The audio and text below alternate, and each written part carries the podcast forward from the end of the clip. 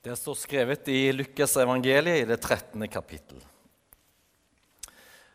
På reisen til Jerusalem dro Jesus fra by til by og fra landsby til landsby og underviste.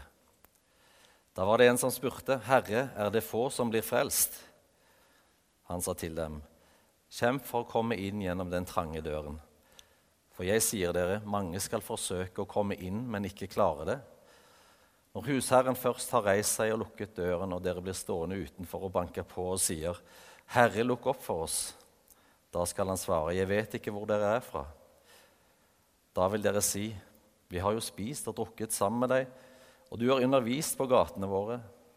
Men han skal svare, 'Jeg vet ikke hvor dere er fra'. Bort fra meg, alle dere som gjør urett. Der skal dere gråte og skjære tenner når dere ser Abraham og Isak og Jakob og alle profetene i Guds rike, mens dere selv blir kastet utenfor. Fra øst og vest og fra nord og sør skal mennesker komme og sitte til bords i Guds rike. Da skal noen som er de siste, bli de første, og noen som er de første, bli de siste. Slik lyder Herrens ord. Mitt navn er Frode Helvig. Jeg jobber som byprest i Sandnes. Byprest for ungdom. Jeg skal ha litt informasjon litt seinere, så jeg skal ikke gå veldig inn på det. Uh, vi har et kvarter foran oss med meg i talen, så jeg får prøve å holde meg til det. La oss be før vi begynner. Himmelske Far, takk for ditt ord. og takk for at Gjennom ditt ord så taler du liv og rettledning og trøst til oss som lar denne, gir denne stunden til deg og ber Hellig Ånd om at du virker i våre hjerter, sånn at vi forstår ordet ditt og tar vare på det. I Jesu navn. Amen. Jeg, bots- og bededag, jeg måtte lese meg litt opp på det. Helt i begynnelsen heter det faste, bots- og bededag. De strøk fasten på et eller annet tidspunkt, men det kan være noen hundre år tilbake. Eh, det var, det ei gammel greie. Og spesielt når det var eh, krig. Og Spesielt var det, leste jeg 30-årskrigen. Hva nå det var for noe. Men det var på 1600-tallet. Danskekongen hadde litt eh, utfordringer, kan du si, og han trengte høyere hjelp. Så han kalte kirkene til, til å ha dette. I byene så hadde de på onsdagen på landsbygda de hadde på fredagen. Én dag i uka. Faste, bots- og bededag. De hadde en, tydelig, en slags møte.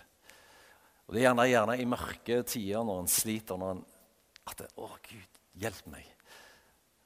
Det er da en plutselig oppdager at en, 'Oi, jeg klarer ikke dette livet alene'. Og eh, sånn er det jo, og sånn har det alltid vært. skulle jeg si at eh, når, vi, når, vi, sliter, når vi har det tungt, når vi er bortkomne og forkomne, da, da er vi mer mottagelige og mer åpne for det som, hører, det som, har med Gud å gjøre. Det står at Jesus en gang når han kom til et sted, i Markus 6, eller noe sånt, så står det at da han så folkemengden, så så han at de var, de var bortkomne, de var hjelpeløse, forkomne, som får uten hyrder. Og så står det så litt sånn spesielt som jeg har lagt merke til de siste Da satte han seg ned og lærte dem. Så problemet lå liksom ikke at de gjerne mangla klær, og kanskje de var fattige. og alt sånt. Men problemet var at det, det var noe de mangla i hodet. Det sitter i hodet, er det noen som, som har sagt. Og, og, det å kjenne Gud og ha kunnskap om Gud og hans vilje, det var det som på en måte kunne hjelpe dem ut av den forkomne tilstanden. Og Det var kanskje no, først når en kom på et sånt punkt at en er mottagelig for å ta imot. Vi leste i eh, en av tekstene om et kar som hadde gått i stykker. Som ikke ble som det var tenkt. Bare for å si det sånn, eh, Jeg tenkte liksom hovedoverskrift skulle være 'Kjemp for å komme inn gjennom en trange port'. Det skulle på en måte være eh, fokuset. Eh, men så var det en del andre ting som vil komme inn, inn iblant her, så det, det får dere ta som det kommer. Men Men det jeg ville si, det var at eh, først at det spørsmålet som han kom med, er det mange som blir frelst? For det, han her fyren som spør dette spørsmålet, han hadde på Jesus tydeligvis. Han hadde eh, sikkert gått litt sammen med Jesus. Og Hvis vi leser Lukas litt tekstene litt foran der, så underviser Jesus om mange ting som kan være litt foruroligende. En gang så spør jo òg disiplene om, om eh, dette med skilsmisse og gjengifte. Hvordan det henger sammen. Og, eh, og, og, så det liksom er det, er det lov, sånn som Moses ga oss lov til å skille seg? Og så sier Jesus nei, det var ikke det Gud tenkte. Eh, og så liksom undrer de seg litt på det. Hvordan skal, eh, hvordan skal vi da gjøre? Og så, og så var det spørsmål omkring eh, den rike Jeg tror det var i den samme sammenhengen. At eh, sannelig hvor vanskelig det er for en rik å komme inn i Guds rike. Det, det er vanskeligere for en rik å komme inn i Guds rike enn en kamel å gå gjennom et nåløye.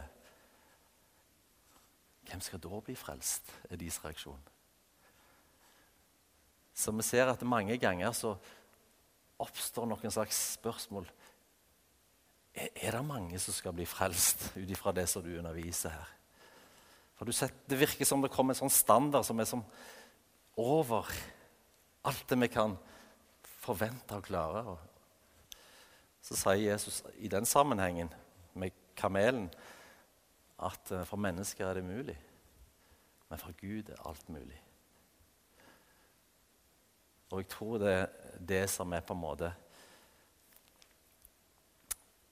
eh, svaret. Samtidig så tar ikke Jesus fra oss ansvaret. Gud er alt mulig. Kjemp for å komme inn gjennom den trange port. Han, han tar ikke fra spenningen og livet, skulle jeg si. Mm. For Gud har en plan med alt han gjør. Han har en plan. Han er, han er denne pottemakeren som, som, lager et kar av leire. Og når det mislykkes, så er det ikke sånn at det gir opp, men så lager han et nytt kar. Som kanskje blir enda finere enn det som var utgangspunktet. Og så har jeg tenkt på dette Vi tenker veldig sånn personlig om det. Det er noe som angår den enkelte, mitt liv. Men det kan også ses i et veldig mye større perspektiv. For Gud hadde Han skapte verden. Uh, han, hvis vi leser i Bibelen, så står det at han på en måte lagde tre hager. Den første hagen den var jo i Eden. Og eh, jeg ser for meg at han forma denne her og gjorde han fin og flott. Og midt i hagen sto livets tre. Det kunne de tydeligvis spise så mye de ville. Og så tre som kunnskap om godt og vondt, og det skulle de ikke spise av. Og vi vet hvordan det gikk med denne hagen. Etter hvert så kom der en frister inn, og som satte de på en måte på det valget ta den, eller frista de til, til, å ta den. Den frukten som de ikke hadde. Og så ser vi hvordan, hvordan det gikk. De, de vendte seg vekk fra Guds plan og Guds vilje. Og på en måte så, så, gikk det første prosjektet, den første hagen, gikk i stykker. Og Det kan sammenlignes med den pottemakeren som først lagde én. En, en fin potte. Men så ble det ødelagt. Så gikk det ikke sånn som han hadde tenkt, pottemakeren. Men ga han opp? Nei, han ga ikke opp. Så står det i Bibelen om at, at Gud valgte seg ut et folk. Han valgte seg ut Abraham. Og så begynner han å forme igjen en hage. Og Jeg ble klar over denne liksom, sammenhengen mellom de, de hagene når jeg, når jeg leste hans sånn bibelleseplan. Og så, så står det i Isaiah. Der skriver han i Isaiah 5 jeg syns han er så fin, denne her, fordi han bare forteller litt om nærheten som denne profeten Isaiah hadde til Gud. Jeg vil synge om min kjære venn, en sang om min venn og vingården hans. En vingård hadde min kjære venn med den feteste jord. Han hakket den opp og plukket ut stein og plantet den fineste vin og bygde et vakttårn i midten. Også en vinpresse hogg han ut. Han ventet seg gode druer, men druene han fikk, var beske. Så står det mye mer om dette her. Men det er akkurat som på en sånn utrolig enkel og billedlig måte så forteller han om, denne, om det som han gjorde når han tok dette folket, førte det gjennom Egypt, skulle jeg si, 400 år der, og tok de ut fra Egypt og jobbet med dem og planta dem og satte dem i Kanan, i dette landet som flyter av melk og honning, sto der. La alt til rette. Bygde til og med et vakttårn. Jeg ser for meg at dette vakttårnet er loven. Moses, Moseloven. Ordet som skulle på en måte holde dem fokusert og på plass. Holde ting sammen. Av og, tenk, av og til tenker vi om loven som noe negativt. Jeg, gjorde det, jeg må innrømme det, i min ungdom. Jeg husker jeg sa det til min bror. Åh, denne kristendommen det er bare sånn bud og regler og Å ja, sier han var ikke så mye eldre enn meg, var litt mer fornuftig enn meg. Hva er du så uenig i, da? Uh, ja Ja, ja sa han. Uh, er det Du skal ikke slå i hjel? Nei, nei, nei, nei, ikke den. Ja, er det Du skal ikke stjele? Nei, nei, nei, ikke den. Ja, Er det det at du ikke skal ha andre guder og sånn? Nei, nei. Ja, hva er det da? Altså Loven er god, altså. Men allikevel, selv om dette skulle holde ting på plass i denne andre hagen, så, så hang de ikke sammen. Så ble det ikke den frukten som, som Gud hadde tenkt. Og vi kan, vi kan lese oss uh, skremte av mange av de tingene som skjedde. Så på en måte så gikk denne klumpen òg i stykker.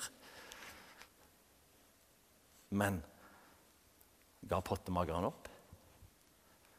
Den samme Jesaja, det er han som får dette ordet om å gå ned og se på pottemakeren. Se hva som skjer, sånn at han forstår litt mer av Guds plan. Og så så han at selv om det ikke ble som det skulle, og selv om han måtte presse det ned og, og gjøre noe nytt, så var det nettopp det han gjorde. Det var nettopp det han hadde tenkt. Og han ga seg ikke. Og så kommer vi til den tredje hagen. Og da leste jeg, Vi kan lese det i mange steder i Bibelen, og i Jesaja, hvor han ser fram mot noe nytt, noe annerledes.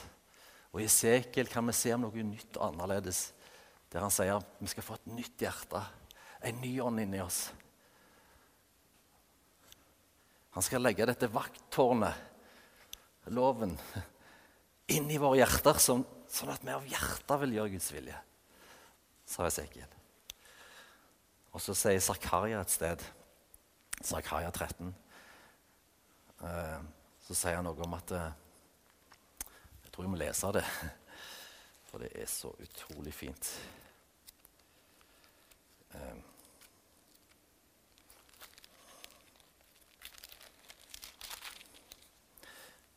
Den dagen skal det være en åpen kilde for Davids hus og for dem som bor i Jerusalem, til å rense bort synd og urenhet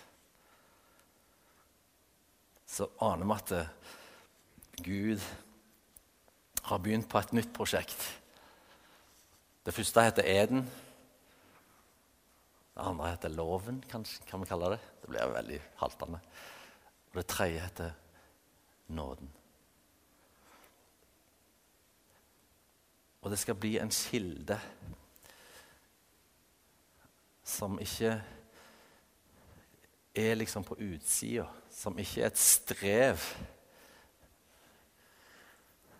Som ikke er et krav, men som er noe som kommer innenfra. Til å rense bort synd og urenhet. Det er det Jesus òg sier på den store høytidsdagen, står der. Da sto han fram og sier at om noen tørster Han kommer til meg og drikker. Så han sammenligner seg med en kilde. Han knytter seg direkte til profetiene og sier 'Jeg er han som kommer med det vannet som renser bort synd og urenhet'.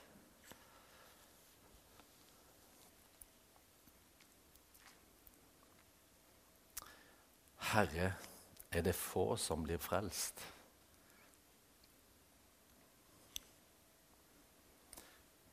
Han kunne jo forvente et ganske sånn raskt svar på det. Men ofte så gir ikke Jesus som svar. Han gir gjerne litt sånn Gir oss noe å tenke på i svaret. Og vi hører veldig fort Nei, dette er vanskelig. Det er få som blir frelst. Det er jo helt umulig. Jeg vet ikke hvor dere er ifra. Bort fra meg, alle dere som gjør urett. Og vi kan Men egentlig svaret kommer helt nederst av den dagens tekst. Fra øst og fra vest. Hør på det nå. Herre er det få som blir frelst fra øst og fra vest, fra nord og sør, skal mennesker komme og sitte til bords i Guds rike. Da skal noen som er de siste, bli de første, og noen som er de siste, skal bli de første. Mange skal komme på den dagen. Det skal være mange som skal bli frelst. Men Jesus er ikke helt sånn A4. Han sier, 'Ikke vær så opptatt av det, men pass på ditt eget liv.' At du er på rette veien. Kjemp for å komme inn gjennom trange port. Det er liksom et alvor han sier, det samme sier romerbrevet i den teksten som vi òg leste i dag. Derfor har du ingen unnskyldning, du menneske, når du dømmer hvem du enn er. For når du dømmer en annen, fordømmer du deg selv. Du som dømmer, gjør jo det samme selv. Vær opptatt av deg sjøl. Ikke vær så opptatt av alle andre, om de blir frelst.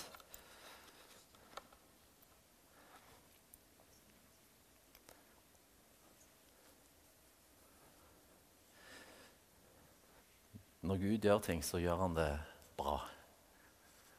Og denne siste hagen, nådens hage, der er mange som kommer til å bli frelst.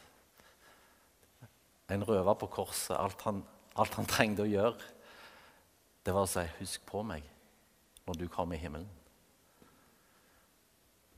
Så åpen er døra inn til himmelen for den som ber han. Men samtidig så vet vi at det er en fiende som ikke vil at vi skal gå inn den åpne døra. Det var to som hang på korset. En som spotta, og en som ba. Og det er så lett, og vi ser det i våre dager, at det er mange som, som velger å vende seg vekk. Som velger å ikke ta imot, ikke tro og ta imot den gaven. Og det kan bli oss. Kjemp for å komme inn igjen. Den trange, trange port, ja. Bort fra meg, alle der som gjør urett. Og så handler det litt om at, at Gud vil se ikke den beske frukta som han hadde i, i lovens hage. Han vil se Jesus-frukta i våre liv.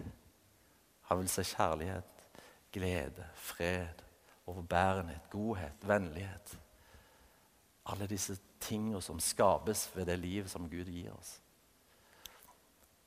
Han vil ikke se hat, utilgivelse, baktalelse.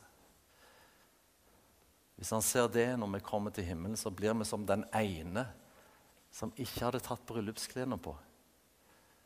Alle de fattige ble jo invitert i et bryllup i himmelen sant? I, i kongeriket. Jeg tenker, De fattige de hadde jo ikke råd til bryllupsklær. Men de fikk de. De må jo ha fått de. Gå, gå til de fattige, de, på, de som er hjemløse. Tror dere at de gikk og leide seg en, en dyr bryllupskledning? Nei, de hadde ikke penger til det. Men de fikk det. Men det var én som ikke hadde brydd seg om å ta det på. Og det står i den historien at han ble kasta ut. Så det handler om å ta det på. Bli i meg. Fortsett å bli. Ikke slutt. Den flammen eller den ild som er tent i deg, sørg for at den brenner. At den ikke slukker. Det er så mye som står på spill. Det er godt med Jesus. Bedre med en venn som som slår. Er det ikke noe sånn i, i ordspråkene? Enn en som bare er sånn lippe, som taler med oss og slikker oss etter ryggen. Bedre om en som sier sannheten. Hva som står på spill. Og det gjør Jesus.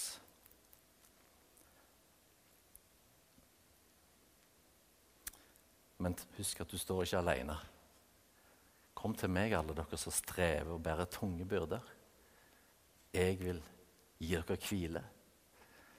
Det er ikke et masse krav, men det er en invitasjon til, til nærhet til Jesus. Ta mitt åk på dere og lær av meg.